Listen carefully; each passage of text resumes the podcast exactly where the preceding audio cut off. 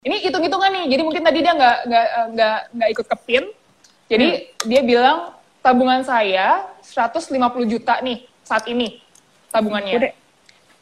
150 juta. Nah, dia ya. cari uh, harga rumah yang 900 juta. Gitu. Okay. Jadi di bawah 1 M nih ceritanya ya. Rencananya mau ambil oh dia KPR-nya masih agak lama nih. Jadi 20 tahun. Kira-kira berapa ya uh, dia harus persiapkan uangnya? Gitu. Oh, kayaknya KPR 20 tahun maksudnya dia mau KPR 20 tahun deh. Iya, betul. Tapi dia Jadi mau beli rumahnya kapan? Gak tahu.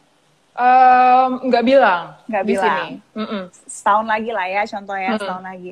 Berarti uh, uh, itu lumayan membantu sih. Kayak tabungan dia ada 150, ya kan? Mm -hmm. Again, teman-teman bisa pakai rumus yang tadi ya, bisa hitung sendiri sih.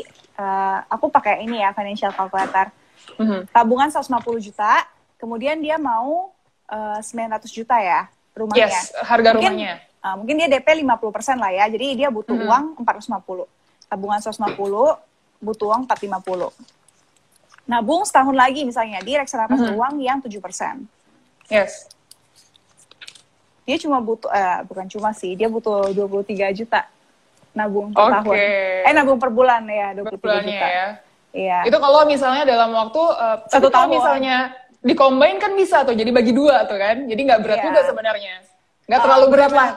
Iya ceweknya 12 juta dianya 12 juta gitu kan. Yes gitu. Ya, bisa okay. bisa Ke kecuali kalau misalnya dia mau beliin rumah buat ceweknya tuh beda cerita. Ah. jadi jadi semuanya sendiri gitu ya. Boleh boleh. Iya iya iya. Itu aku mau tuh yang kayak gitu